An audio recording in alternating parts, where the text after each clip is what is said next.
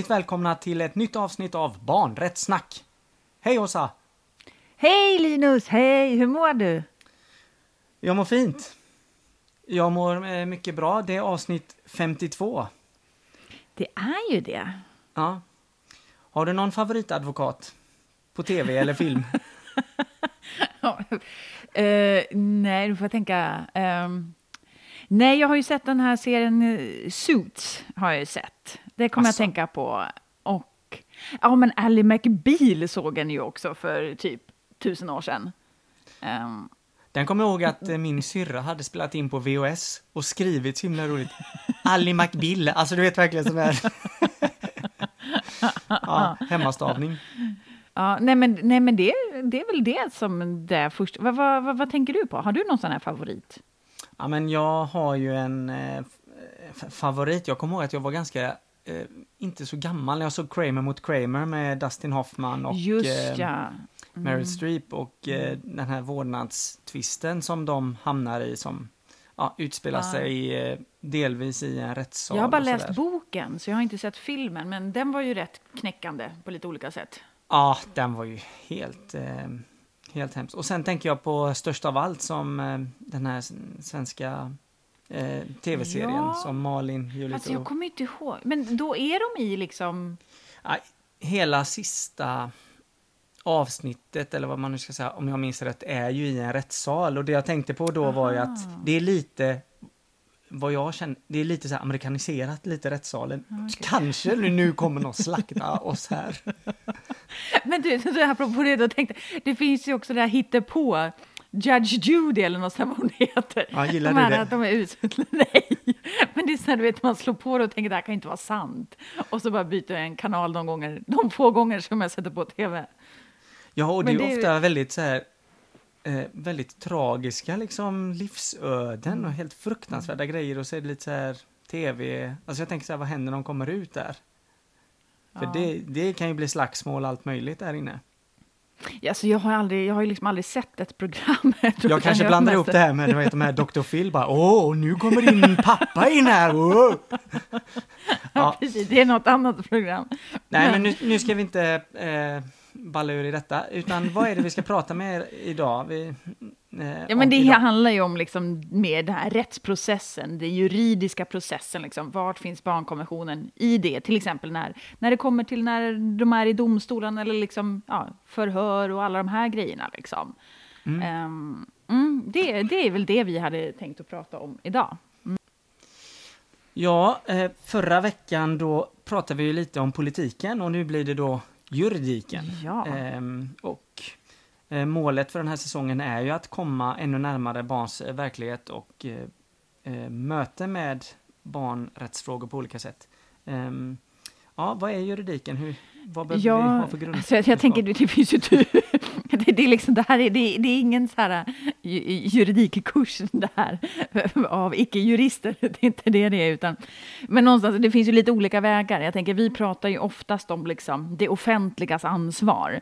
Eh, och då blir det liksom, man kan ju säga att domstolarna, det blir som två olika delar, eller två olika ben. Där det ena handlar ju liksom de här, de här mer allmänna domstolarna som är kanske, du vet, tingsrätt, hovrätt och, eh, och liksom, ja men högsta domstolen. Alltså den delen där det är mer typ brott och sånt, familjerätt, alltså där det är enskilda människor mot enskilda människor så att säga. Medan vi pratar ju kanske oftast om det som han är mer förvaltningsdomstolarna. Det när det är liksom den enskilda individen typ mot kommunen, liksom, mot socialnämnden kanske till exempel. Eh, och då är det liksom, då är det förvaltningsrätten, kammarrätten och högsta förvaltningsdomstolen. Sen är det ju också så här migrationsdomstolen och så här. Men, så att, eh, och vi fokuserar ju oftast på eh, förvaltningsdomstolarna. Och det är väl mest det det kommer handla om idag också. Mest, men ja. Ja, och jag gjorde ju faktiskt ett, jag satt ju faktiskt igår kväll och skrev ett överklagande till Migrationsöverdomstolen. Då känner man sig inte så jättekaxig. Men sen i morse då, då fick jag ett mejl från Ylva som jobbar där uppe. Jaha. Och då tänker man, ja det är människor där med. Ja, ja jo, det är Eh. människor som jobbar i domstolarna också. Men, Nej men det är, ja. Ja, varsågod. ja, nej, men jag tänkte, och det som liksom... Säga, ofta är det så lätt att tänka sig att ja, men domstolar, det är, liksom, det är så himla långt bort och det är inga som, liksom, vad barnkonventionen i det, vad är det? Men jag tänker, eh, ska vi översätta det till väldigt konkreta artiklar så är det ju väldigt konkreta saker det handlar om. Liksom. Artikel 9 som handlar om att barnet till exempel inte ska skiljas från sina föräldrar. Det, är, till exempel, det kan ju vara, det är den artikeln kontra kanske artikel 19 om att leva i frihet och skyddas från våld. Det är ju de två till exempel när det handlar om, om ett omhändertagande, eller liksom lagen om vård av unga till exempel, eller ett LVU. Då är det ju de två artiklarna till exempel. Men det handlar, vi kan ju också prata om liksom, om artikel 10 som handlar om liksom återförenande med föräldrar, eller artikel 11 att inte bli liksom alltså bortför, olovligen bortförd till exempel, som vi pratade om för, i något avsnitt. Liksom. Eh, men det mm. det kanske oftast handlar om när man pratar om liksom, är ju egentligen artikel 3 om barnets bästa och artikel 12 om rätten att göra sin röst hörd. Utifrån att det är de två artiklarna som är de som är liksom mest har liksom införlivats i befintliga lagar. Vi hittar ju dem i utlänningslagen, i socialtjänstlagen, i skollagen och så vidare. Så det är ju kanske liksom de två artiklarna som, som oftast syns i domstolarna. Mm. Mm. Ja, och sen så finns det ju liksom eh, massa saker påkopplat till det här och det kan vara eh, hur det funkar på häkte och polis och det ena med det andra. Men idag så är vi mest i eh, domstolen och de personerna som, som jobbar där mer aktivt och, och pratar. Ehm, vi hade ju ett eh, avsnitt som handlar om barn som begår brott ehm, eller misstänks för det och det är eh, avsnitt 41 i podden om ni vill gå tillbaka och lyssna då just när barn är eller misstänks vara förövare. Mm. och sen då så har vi också pratat om barnkonventionen som lag i avsnitt 7 och i avsnitt 46 ganska nyligen innan eh, jul här så pratar vi om ett antal domar så att det finns eh, lite som kopplar an till detta. Mm. Mm. Ja, men ska vi ta och lyssna på någon som eh, gör de här grejerna typ varje dag då? Eh, så. Hur det kan ja, se vi ut? Har, ja, precis. Vi, vi ska inte prata allt för mycket och snåra in oss i olika grejer här, utan vi har pratat med två um, eh, jurister som jobbar som biträde och advokat i detta avsnittet och ni ska få lyssna på dem och så ska vi reflektera lite kring det tillsammans. Så eh, här kommer Jasmin.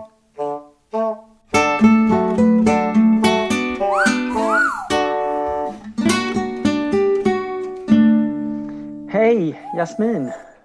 Ja, hej Linus! Vem är du? Eh, jag heter Jasmin Kazbegi och jag jobbar som en biträdande jurist på en advokatbyrå som heter Frid advokatbyrå i centrala Göteborg. Ehm, och att jag är biträdande jurist innebär då också att jag inte är en advokat än. Ehm, men jag jobbar med advokater på en advokatbyrå. Ehm, ja, jag jobbar ju mest med eh, migration, och ganska mycket också med LVU samt andra typer av tvångsvård såsom LVM, LPT, eh, LRV. Ja, det är lite mm. olika. Mm. Men, Men det är det. När, när, bestämde du dig för att bli jurist? Oh, eh, Eller hur kommer det, det var... sig? Jag kommer själv från en eh, flyktingbakgrund och Eh, så att jag fick själv vara ett, ja, ett barn i en asylprocess om man kan säga så. Och det kom nog ganska naturligt att jag tänkte att jag också ville hjälpa andra människor. Eller mest att jag ville bidra på något sätt. Jag ville kunna förebygga olika, so olika sociala orättvisor som, som finns i samhället och att vara jurist är i vart fall för mig ett sätt att göra det på. Mm. Så att jag har nog velat det ganska länge. Ja, men då har du gjort eh, du var med om det. Vill du berätta hur gammal du var när, när du själv var i, med om hela ja. den här asylprocessen? Absolut. Ehm, jag var, jag var cirka tio år gammal när jag kom till Sverige och ja. då kom jag hit med min familj, eller då kom jag hit med min mamma och min mormor. Ehm, så att jag kom ju inte hit ensam utan jag kom ändå hit med en familj. Men, ehm, och det kanske jag kommer att återkomma till lite senare, men eh, jag hade inte jättemycket insyn i själva processen. Jag förstod inte riktigt vad det här innebar utan det, det förstod jag ju allt mer i efterhand. Mm. Um, ja. Ja men vad, och, och, hur, och, och, och sen då så möter du ju nu då barn som är i den processen som du var i. Vad, vad tänker du? Vad går du in med i? Vad, vad gör du för i den här situationen? Mm. I din roll och i mötet jag, med barnen? Ja men precis. Jag, jag företräder ju barn både när det kommer till asyl och när det kommer till LVU. Men jag tänker att jag börjar lite med hur det är i asylärenden. Mm. Det är ju lite olika på så sätt att man kan jobba, eh, man kan jobba med barn som har kommit till Sverige som ensamkommande. Mm. Så de har kommit hit ensamma utan familj. Eh, och sen kan man ju jobba med barn som har kommit med en familj. Och ensamkommande barn är ju då lite mer utsatta på så sätt att de inte har några familjemedlemmar här. Sen kan det fortfarande vara så att man har någon släkting här i Sverige. Eh, men vanligtvis så är de kanske helt ensamma här i Sverige och då har de en god man som eller som hjälper dem med myndighetskontakt. Och en, en god man ersätter ju inte en förälder. Eh, så de, de hamnar ju i en utsatt situation på så sätt att de är ju väldigt ensamma skulle man kunna mm. säga. Ehm, och sen så finns det barn i familj och de kanske inte är lika utsatta för att de har kommit hit med en familj. Men däremot kan själva familjekonstellationen vara eh, utsatt eftersom det inte finns en god man som kan stötta dem. Utan där finns ju jag som ett offentligt biträde då, eller som ombud, som på, som på sätt och vis blir länken mellan eh, familjen och eh, myndigheterna. Eh, men någonting som vi alltid gör, eller eh, någonting som jag alltid gör när jag jobbar med barn är ju att jag har eh, ett möte med barnet inför en asylprocess, inför en process i domstol, till exempel i LVU. Eh, och där blir det lite olika. Ibland så träffar man ju, ehm, som jag precis sa, ibland så träffar man ju ett ensamkommande barn och då har jag ju ett, ett möte med bara barnet och med, och med den gode mannen. Och ibland så blir det ju att man träffar ett barn som också har en familj med sig och då kanske man företräder hela familjen. Mm. Och någonting som jag tänker på då är att det är viktigt att man också pratar med bara barnet så att man ändå fokuserar på att ha enskilda samtal. För det känns också så typiskt att man får in en hel familj med barn i familjen men att man glömmer att prata med barnen. Utan ja. man tänker att det är föräldrarna som får föra deras talan. Men ett barn kan ju också ha egna asylskäl och det är någonting som man, som man får tänka på. Mm. Och samtidigt oavsett om barnet har asylskäl eller egna asylskäl eller samma asylskäl som resten av familjen så är det fortfarande viktigt att barnet får komma till tals och att barnet inte ska känna att det är ett bihang och att barnet inte förstår vad det är som händer. Och mm. därför är enskilda möten med barnet väldigt viktiga. Mm. Ja. Va, eh, mm, är det något särskilt eh, tricks som du har på något sätt för att få för att, för att som du sa också lite det här med att förstå processen och helt plötsligt kommer någon som är en advokat och det är klart att kanske de, ja. många har en, någon slags uppfattning om vad en, vad en advokat gör och så eller vad, en, vad ett biträde gör men, men har du några tricks eller tips som, som, som du kan dela med dig av? Eller? Jag, tänk, jag brukar tänka dels att eh, jag sitter på mycket kunskap om, mm. om lagen som mm. gemene man kanske inte har och då framförallt så har ju inte ett barn eh, den kunskapen. Och då helt enkelt att man inte ska prata så mycket juridiska utan att man ska prata på ett sätt som, som barnet förstår. Mm. Eh, men också väldigt mycket att man bara ska få låta barnet tala fritt. Det, behöv, det ska inte vara som ett förhör utan ibland kan det ju hända att jag träffar ett barn i en asylprocess och de pratar om saker, om omständigheter som jag vet inte utgör asylskäl. Ja. Till exempel, jag vet att men det här kommer du inte kunna få asyl för. Men då tänker jag ändå att det är viktigt att fortfarande låta barnet prata. Um, lite tricks, tips och tricks. Nej, men det jag tycker jag var jättebra för att eh, eh, många kanske upplever en rättsprocess som ett förhör väldigt mycket. Men, mm. men varför är det viktigt att låta barnet tala fritt? Kan du säga något mer om det? Jo, men självklart. Jag, jag tänker mycket på att barn är ju också individer och att barn har också rättigheter. Eh, vi ska ju, de ska inte bara ha rättigheter på papper utan de ska faktiskt ha det i praktiken också. Det är viktigt att, att de får komma till tals, att de att de ska kunna känna, att de ska känna sig hörda, att man inte ska känna sig förbesedd eller ignorerad. Ehm, det är ju också deras process och min lojalitet när jag företräder barnet, min lojalitet är ju hos barnet. Mm. Det är ju barnet som jag då jobbar för. Jag kan, också, jag kan ofta tänka på att eh, jag inte ska se ut som en jurist när jag pratar med ett barn.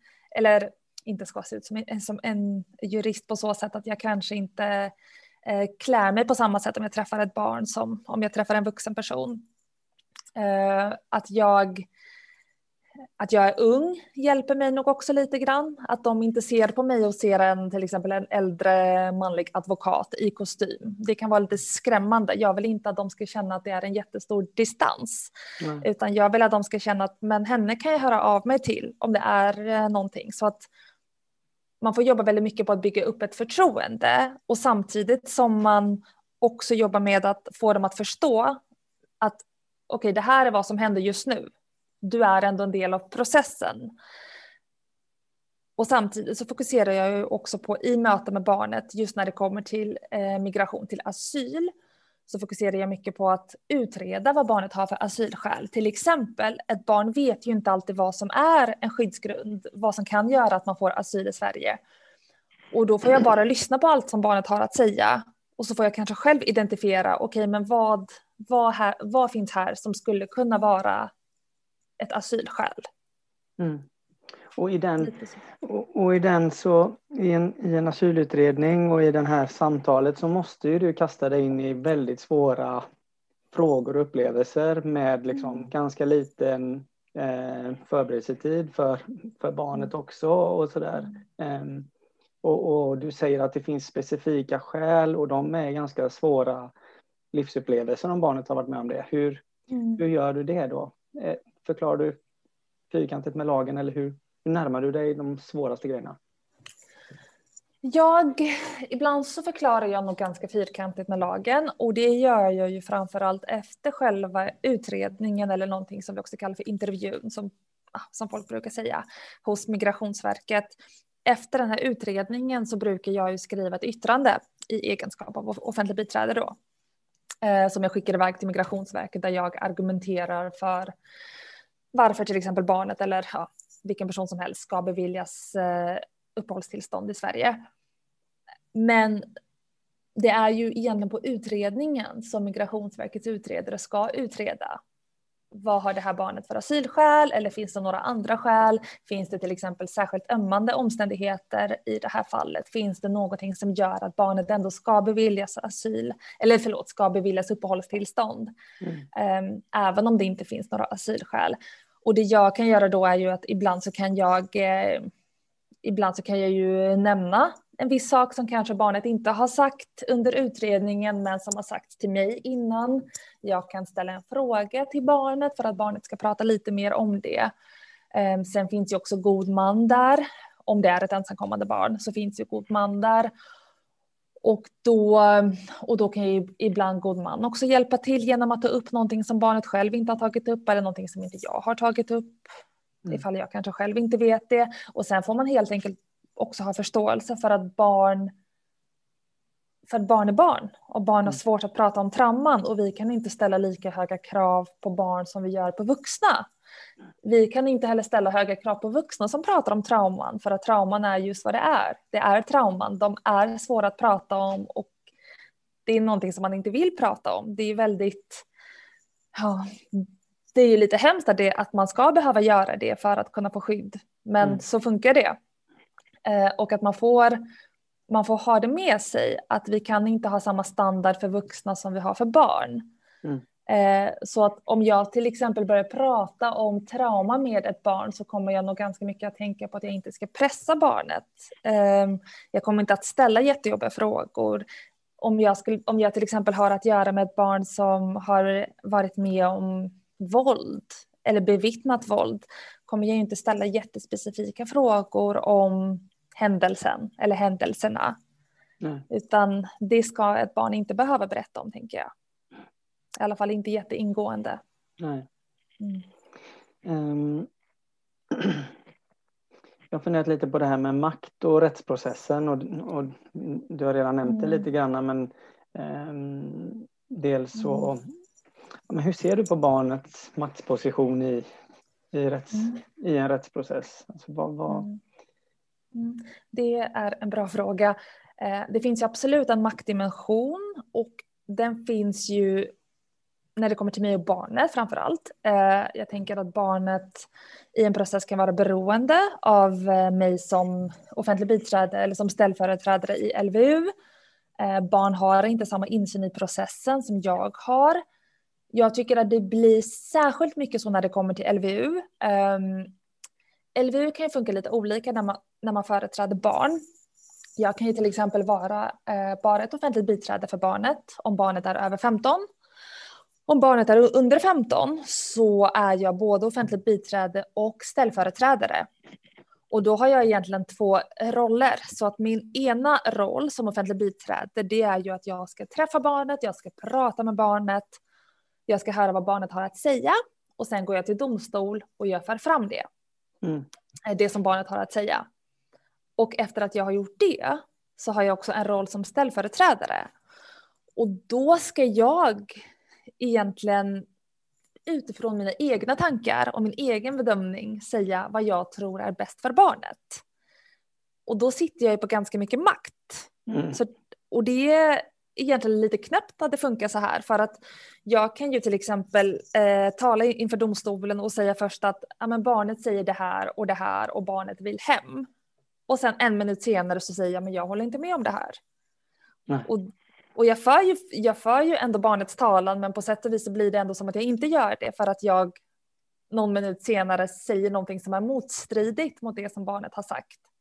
Mm. Eh, så att jag tänker att det absolut kan finnas en maktrelation, eller att det finns det. Att på sätt och vis så blir det jag som kanske styr och bestämmer vad som kommer fram och vad som kommuniceras till domstolen.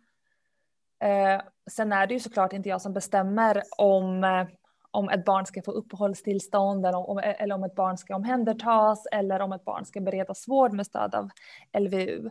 Men det kan ändå bli knepigt och det är också någonting som man får ha med sig att jag är jag och, och ett barn är ett barn. Mm. I, jag kan Men, nästan ibland, nej förlåt. Mm.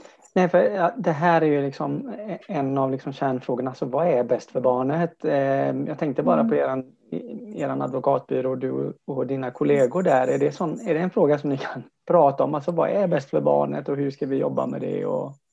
Absolut. Eh, det, det är någonting som vi pratar om. Det är någonting som jag gärna också pratar om. Jag kan ju ibland bolla inför eh, en förhandling om LVU till exempel där jag företräder ett barn. Att men vad är bäst för barnet? Och vem är jag att veta det? Vi vet ju bara att det ska göras en bedömning. Mm. Eh, man ska tänka på barnets bästa. Det ska vara det centrala. Är det här barnets bästa, ja eller nej? Eh, men vem är det som avgör vad som egentligen är barnets bästa? Det är ju, det är ju så himla olika. Mm. Och ibland kan jag nästan tänka att det hade varit skönt om barnet själv kunde avgöra det, men det det funkar ju inte alltid heller. För det finns ju till exempel en viss ambivalens hos vissa barn. Mm. Eh, vissa barn kanske säger att eh, de har blivit utsatta för någonting men de vill fortfarande hem till mamma eller till pappa. Mm. Och då, då får man själv avgöra vad som är barnets bästa och alla kommer ju att argumentera för olika saker. Till exempel på ena sidan kommer vi att ha socialnämnden som kommer att säga det här är barnets bästa. Och på andra sidan så kommer det att vara en mamma och en pappa eller en mamma eller en pappa. Eller, ja, eller två pappor eller två mammor. Eh, som kommer att säga nej men det här är barnets bästa. Mm. Och på sätt och vis så tänker man inte jättemycket på vad som är barnets bästa utan man tänker vad är, vad är bäst för mig också. Ja, ja. Inte, inte att jag gör det, nu kanske det låter lite tråkigt, jag, inte att jag gör det, men att kanske att en förälder kan säga det här är barnets bästa, men det är ju också för att man vill återförenas med sitt barn. Ja. Och på sätt och vis så kommer ju föräldrar alltid att tänka att det är barnets bästa att vara med föräldern. Så det där är, det är jättesvårt och jag tänker att det finns, inga, det finns inga svar på vad som är barnets bästa. Det finns inget rätt, det finns inget fel utan man får bara göra en, en bedömning i varje, ja. i varje ärende, i varje mål. Eh, sett till omständigheterna, bakgrund, vad vill barnet, vad säger föräldrarna? Mm. Mm. Ja men eh, verkligen, det här är ju sån knäckfråga. Eh, jag ska släppa iväg det strax, Jasmin, men jag ska, måste bara fråga eh, en sak till, eller mm. eh, två grejer till. Det här med, ehm, vi pratade lite om makt, men det här med språk också funderar jag på. Mm. Du sa det lite att ha ett, försöka hitta ett annat språk, eh, mm. men sen också tänkte jag bara på språk, alltså som svenska och ett annat språk. Ehm, ja det är ändå en stor mm. fråga inom asylrätten eh, inom processen. Är, är vi, är det, blir det bättre eller hur, hur, hur, ser det ut? Hur ser du på den frågan? Tänker du om det blir bättre, på vilket sätt tänker du då? Nej, jag tänker, eh, eh, ha, finns det liksom ett större förståelse för språkförbistringar, problematik med kanske tolkning och hela liksom att, att låta det ta tid och sådär? Det där är så himla svårt. Eh, precis som du säger, det kan ju verkligen bli ett problem med språk och väldigt ofta så, så jobbar jag med, eh, med tolk om man inte talar samma språk som ens klient gör. Och det är klart att det inte blir perfekt. Eh, mm. Det är klart att det kan, det kan vara ännu jobbigare för ett barn att öppna upp sig om det också finns en tolk i rummet. Så att Eh, den där distansen som jag pratade om tidigare, att jag vill inte att det ska vara alltför stor distans mellan mig och barnet. Det kommer jag att känna så om vi inte talar samma språk. Det är ju lättare för oss att kunna, att kunna kommunicera så här. Mm. Um, och samtidigt, det, jag tänker att det är någonting som drabbar alla som inte talar svenska. Det, det kommer att drabba asylsökanden som har en tolk på asylutredningen, det blir ofta fel med tolk. Mm. Det blir inte helt korrekt och det är sånt som man kan märka efteråt. Eh, till exempel när man har klienter som kanske behöver hjälp med att skicka in någonting som kallas för verkställighetshinder. Eh, eller som har en ny asylprocess som har varit i Sverige en, längre tid. De har ju kanske varit i Sverige i fem, sex år och de har ju då också lärt sig svenska under tiden och där kan jag verkligen se det på en asylutredning där, där, där vi ändå ska använda oss av tolk. Att den sökande hänger ju med, både mm. när den pratar sitt egna språk men också när, den, men också när utredaren och tolken pratar svenska. Mm, och då märker man hur, mång, hur, hur fel det kan bli. Ja hur mycket det är som ändå, men det, det, är väl det här, det är väl det här typ, det, ja, det är väl det vanliga, det är att man är lite lost in translation. Mm. Allt kommer inte fram, eller allt kommer inte fram så som, så som det ska komma fram. Mm. Nej men det är väl på något sätt det viktigt att ha med sig att det finns så många lager för ett barn att tränga mm. igenom mm. fram till yeah. så att det, det liksom blir eh, inkluderat. Men en sista mm. grej bara, jag, jag tänkte på ni kom hit, minns du eran advokat som ni hade, din familj? Um, nej, jag gör faktiskt nej. inte det. Jag, eh, jag, jag minns inte, jag vet att det var en kvinna, jag minns inte om jag, om jag någonsin fick prata med henne. Nej. Nej. Um, nej, jag gör inte det. Jag hade inte, jag hade inte koll på processen. Och det jag vet inte, det kanske kan vara positivt också. Man försöker ja. väl också att skydda barn. Ja. Um, så att barn i familj kanske inte ska ha jättemycket insyn i själva processen heller. Men det är fortfarande viktigt att barn får komma till tals, att mm. barn får ha ett, ett enskilt uh, möte. Och det är klart att det inte alltid funkar. Ibland träffar man ju så små barn som inte ja. kan prata. Och då, ja. Ja, ja, men eh, tack för att du tog dig tid här i Barnrättssnack. Och så, så lycka till med allt det viktiga du eh, står i där. Och alla tack så jättemycket möten. och tack för att ni gör det här. Ja, ja men toppen. Ha det fint. Tack detsamma.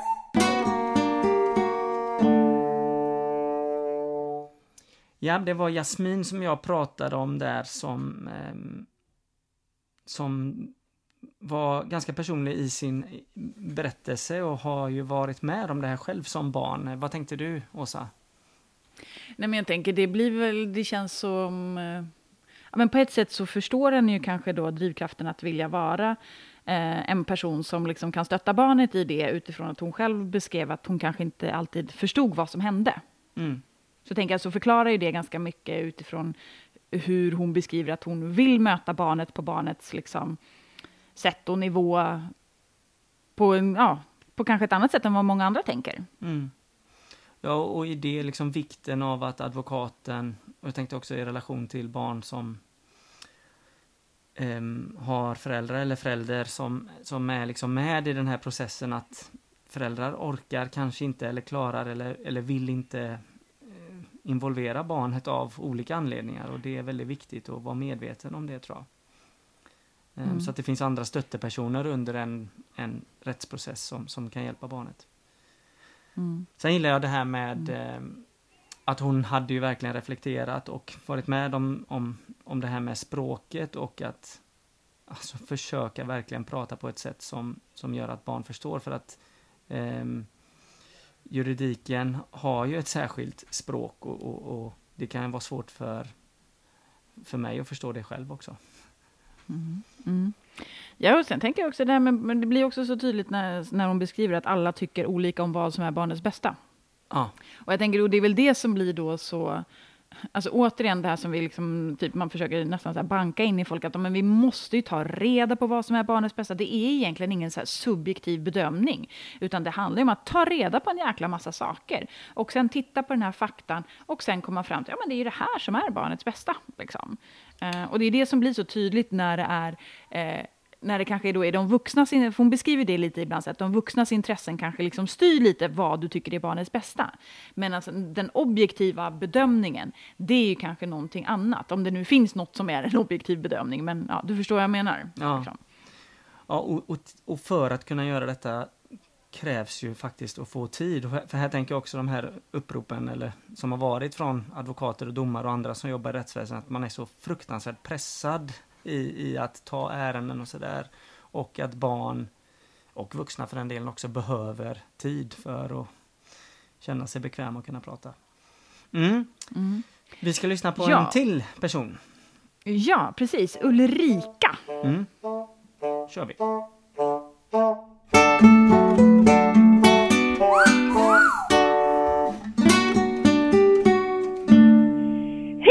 Ulrika Wangle, advokat som jobbar ja, med barnrättsfrågor på lite olika sätt.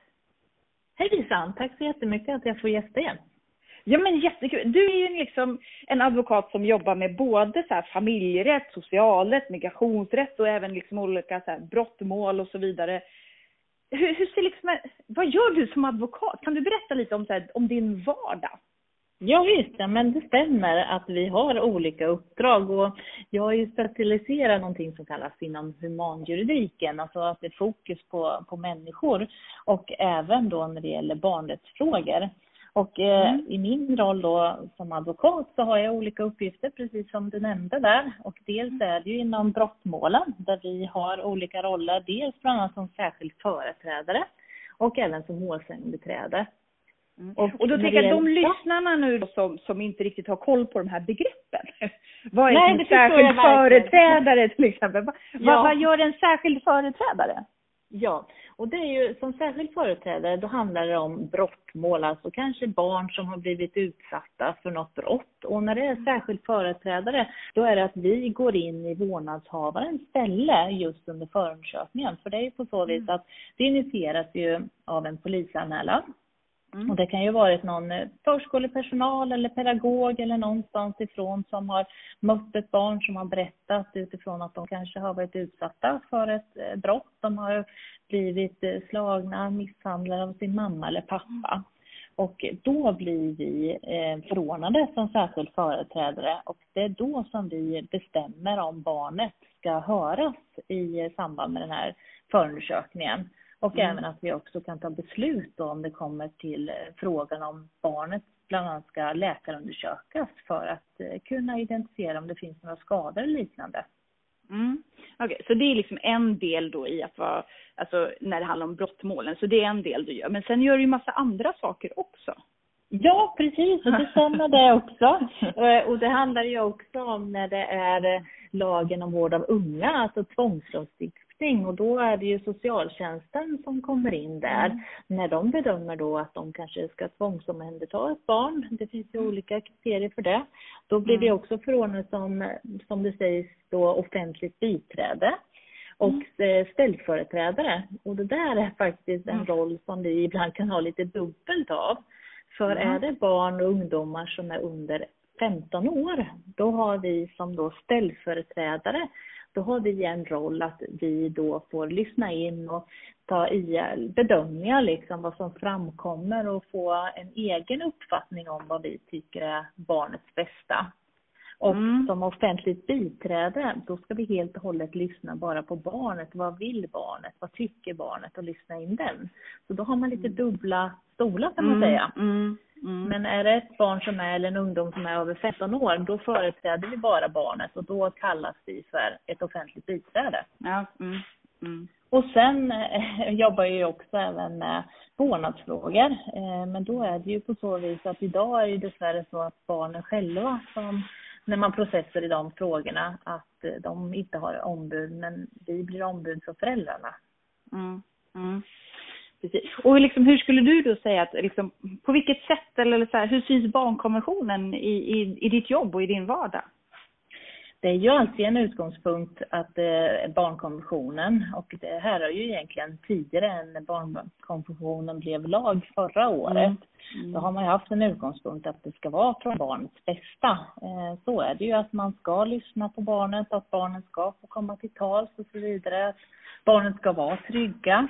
Mm. Eh, och det är ju den som är utgångspunkten. Eh, jag kan mm. väl tycka att när jag jobbar i brottmålsärenden mm. så tycker jag att man aktualiserar det väldigt väl faktiskt. Eh, mm. Man har ju som så kallade barnahus. Det jag mm. kan tycka att eh, barnkonventionen inte efterlevs fullt ut, det är ju faktiskt i frågor som handlar om eh, barn, alltså vårdnad om barn, umgänge och barns boende. Mm, mm. Det är ju också någonting som den här barnkonventionsutredningen lyfter som ju tittar på hur lagar eh, stämmer överens med barnkonventionen. De lyfter ju också just till ja. vårdnad, boende och umgänge. Att där synkar inte heller lagen liksom. Nej, alla gånger. Ja. Och det är väl det jag kan tycka att eh, det är på grund av att barnen själva inte har några ombud. Mm. Eh, utan att det blir då processer mellan föräldrarna och då kan väl tycka att det kanske är föräldrarnas rättigheter som mer kommer fram än barnens rättigheter. Mm. Mm, precis. Ja. Och, men hur som, jag tänker när det är många olika områden och sådär, liksom, hur ofta möter du barn? I vilka sammanhang kan det vara? Ja, jag möter ju barn väldigt ofta i min vardag, mm. flera gånger faktiskt per vecka. Mm. Och det mm. handlar ju dels om att jag träffar barnen på barnahus, eh, mm. där man då ska hålla samtal med barnen. Eh, och eh, då brukar jag träffa dem beroende på lite kanske ålder. Är det mm. yngre barn så är det ju väldigt bra att kunna träffa barnen på barnahus som gör att det är lite lättsammare miljö för mm. dem. Det finns ju leksaker, man kan leka sig fram för att försöka skapa en kontakt med barnen på så vis. Oftast är det ju många barn som känner en oro, vad som händer, vad ska de göra? Eh, väldigt lojala mot sina föräldrar också, men mm. skapa ett stort förtroende eh, och att det är på deras villkor som de är där och ska få berätta helt enkelt. Men även försöka göra allting för att ge dem den möjligheten också.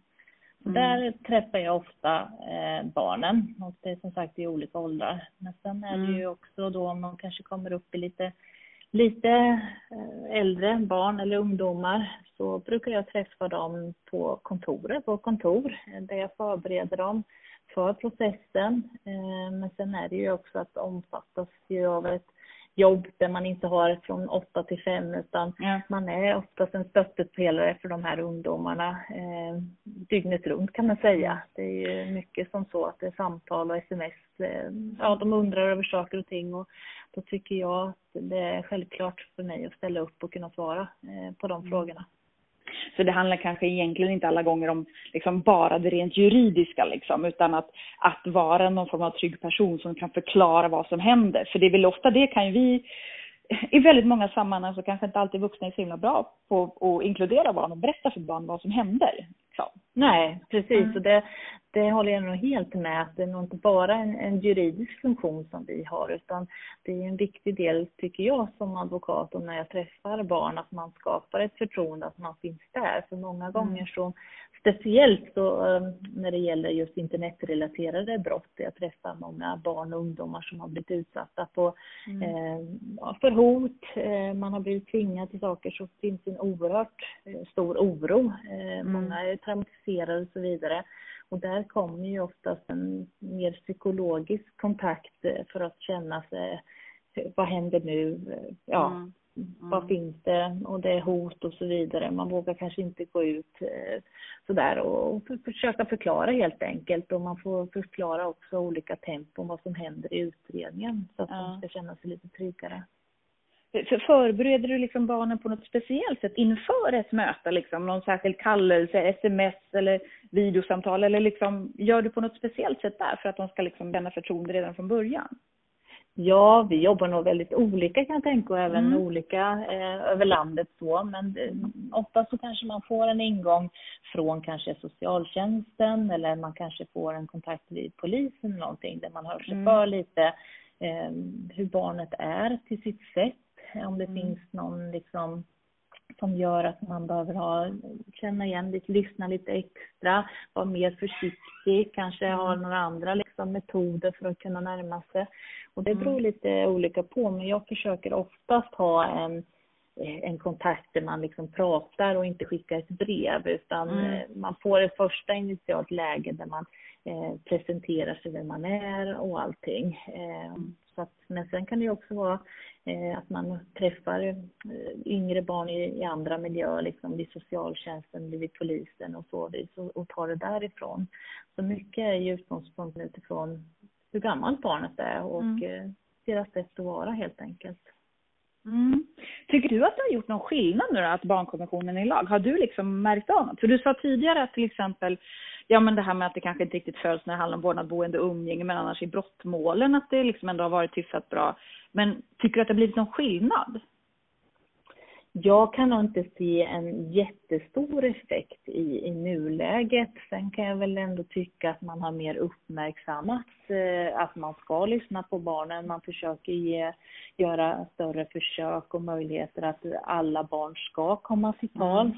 Eh, jag kan väl se ändå en drivkraft till att eh, är det så att kanske föräldrar inte eh, samtycke till barnsamtal någonting, att, att man försöker ändå att det ska ske och så vidare. Ehm, jag tror att det är lite för tidigt än för att se mm. och jag mm. ser nog också att det kanske inte har på så vis kanske följs efter i varje, hos varje aktör och hos varje myndighet, utan det är väl ett eh, förändringsprocess som sker, vilket är mm. väl positivt, men jag tror att det är en lång väg att gå tills vi ser en alldeles för stor eh, effekt av det så att säga. Mm. Vad tycker du då är det som behöver liksom förändras för att barnrättsperspektivet eller barnkonventionen ska liksom få större plats i, i där du möter liksom i, i domstol eller i vardagen liksom i rättsprocessen sådär? Dels är det ju som sagt när det gäller de här frågorna som jag var inne på tidigare angående mm. vårdnad och barns mm. boende. Där ser ju jag, eh, och jag tror det är många av mina kollegor också, som ser att man kanske skulle inrätta mer barndomstolar så att säga, mm. Eh, där man har inriktade sig mer på, på barnen. Eh, att man mm. bara kanske har sådana avdelningar i domstolarna där man handlägger ärenden som handlar om barn. Att barnen ska få sina egna ombud i de här mm. processerna. Mm. Att de ska få komma till tals där helt oberoende.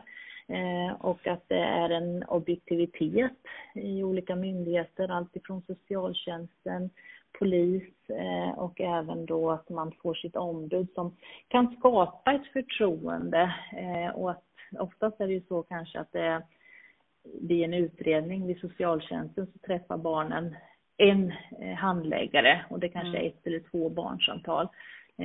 Jag tror att man behöver öka faktiskt en längre tidsperspektivet att barnen får möjlighet och där kan jag väl också säga att jag tycker att även när det gäller brottmål där barn blir utsatta för brott och de kommer till mm. barnahus så skulle väl jag kanske se att barnen får fler möjligheter. För oftast är det när man kanske kommer till barnahus och det, man ska berätta om någonting som har varit jobbigt, man är utsatt för någonting, så är det väl oftast som så att man inte riktigt orkar som barnen. Mm. Dels är de lojala mot sina mm. föräldrar men också att öppna upp och prata med ny människa liksom. Mm. Eh, och där kan jag se att man är lite snabb med att om inte barnet berättar så mycket med detaljer att man är, har en benägenhet att lägga ner förundersökningen.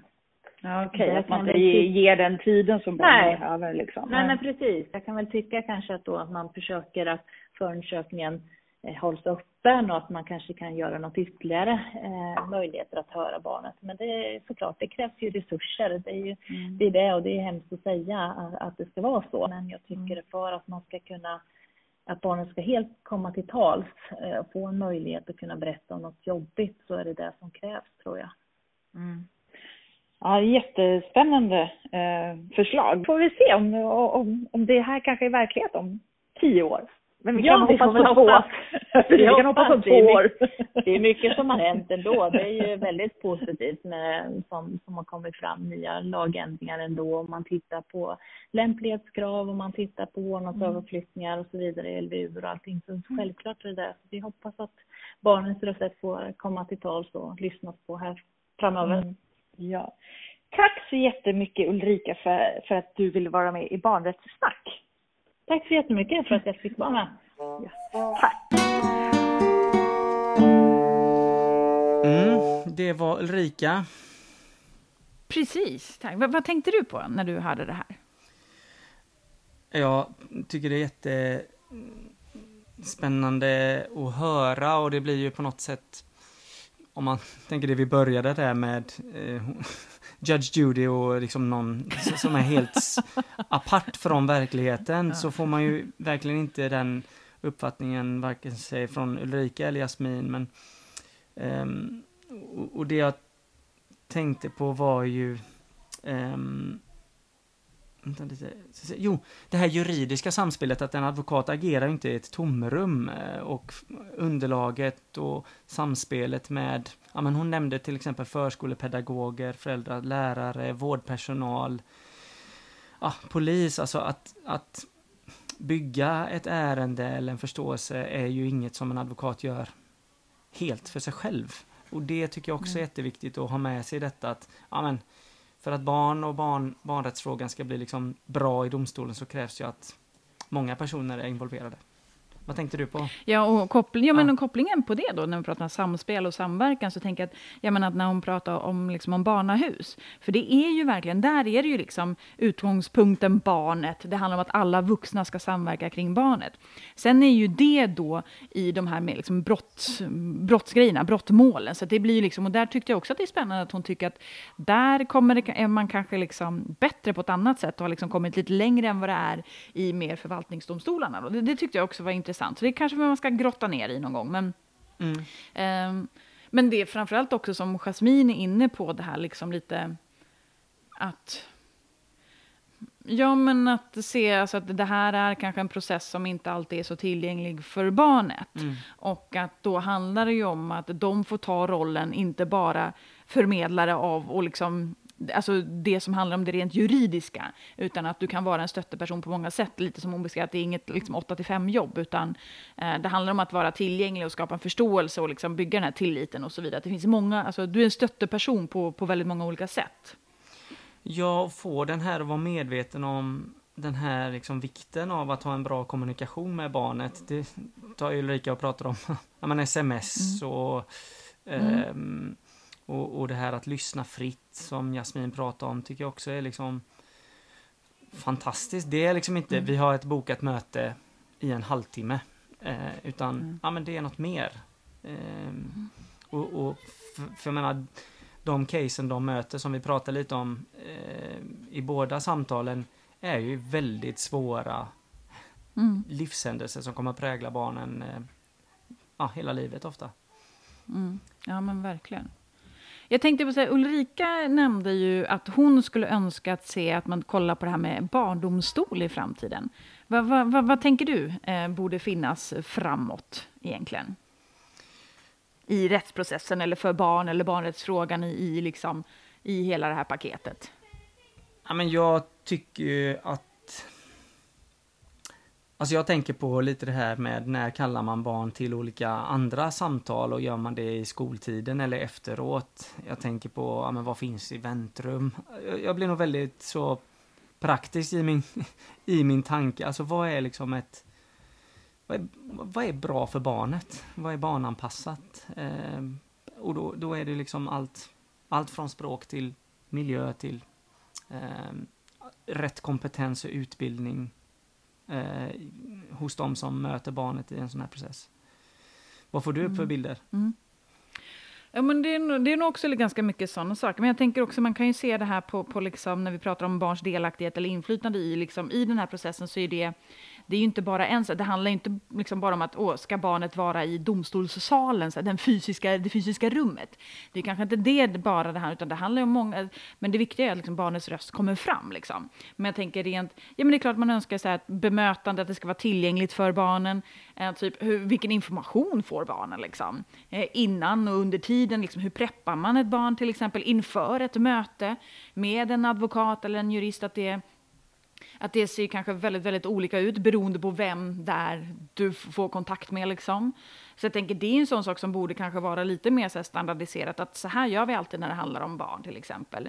Ehm, jag tänker också att det handlar om så här olika åldrar, att å ena sidan så har vi ju liksom någonstans i Sverige typ bestämt att vi tycker inte att barn ska vara i domstol för det är inte anpassat för barn. Istället för att tänka på att okej, det här är en process som är jävligt svår för barnet. Hur kan vi anpassa situationen för barnet? Ja. Eh, istället för att tänka att vi ska exkludera barn. Sen finns det ju liksom det finns ju såklart massa gånger där barn inte ska liksom tvingas att uttala sig om massa olika saker. Men, men jag kan ibland tycka att vi kanske har lite, eh, vad ska jag säga, att man vill vända på det lite.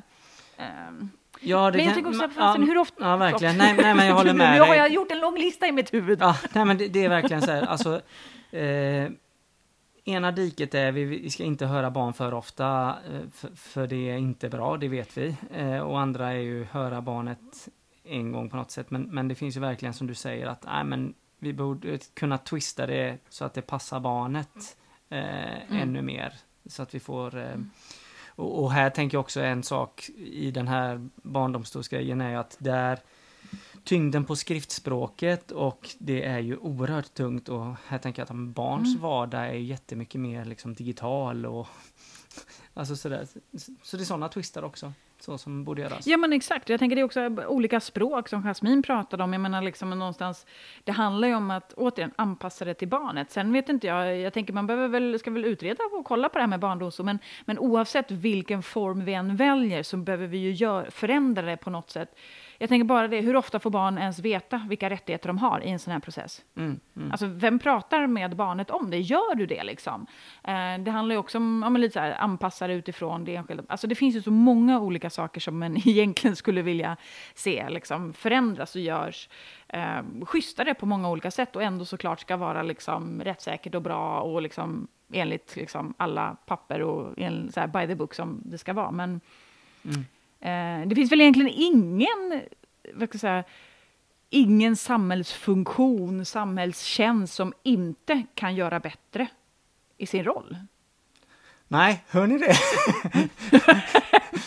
nej, men, och, nej men det som jag tycker är roligt med, med Jasmin och Ulrika är också att de pratar om att det här är ju någonting som man ändå resonerar kring. Och de är också öppna Mm. med att det är sjukt svåra frågor som när de säger, Mm. båda pratar om det här med att vara ställföreträdare. Helt plötsligt ska man liksom ta någon slags beslut om vad som är Mm. eh, bäst för barnet trots att det hörs liksom massa olika röster som säger en det ena Mm. och en det andra. Liksom. Så att det behövs ju den Mm. här samtalet. Mm.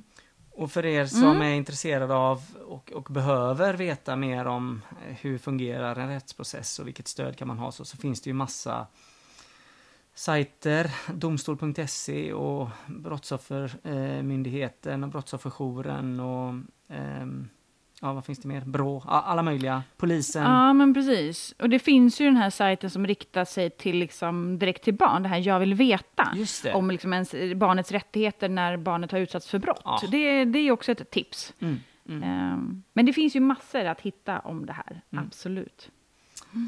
Mm, då rundar vi av här så kommer vi ta steg två i eh, barnet och juridiken och barnkonventionen nästa vecka.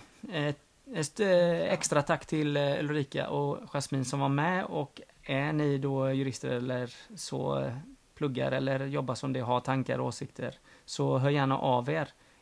Och tack till alla er som lyssnar där ute. Fortsätt sprida podden så mycket ni orkar och kan med. Precis. Tack så mycket för den här veckan. Vi hörs nästa vecka. Det gör vi. Hej! Hej hej!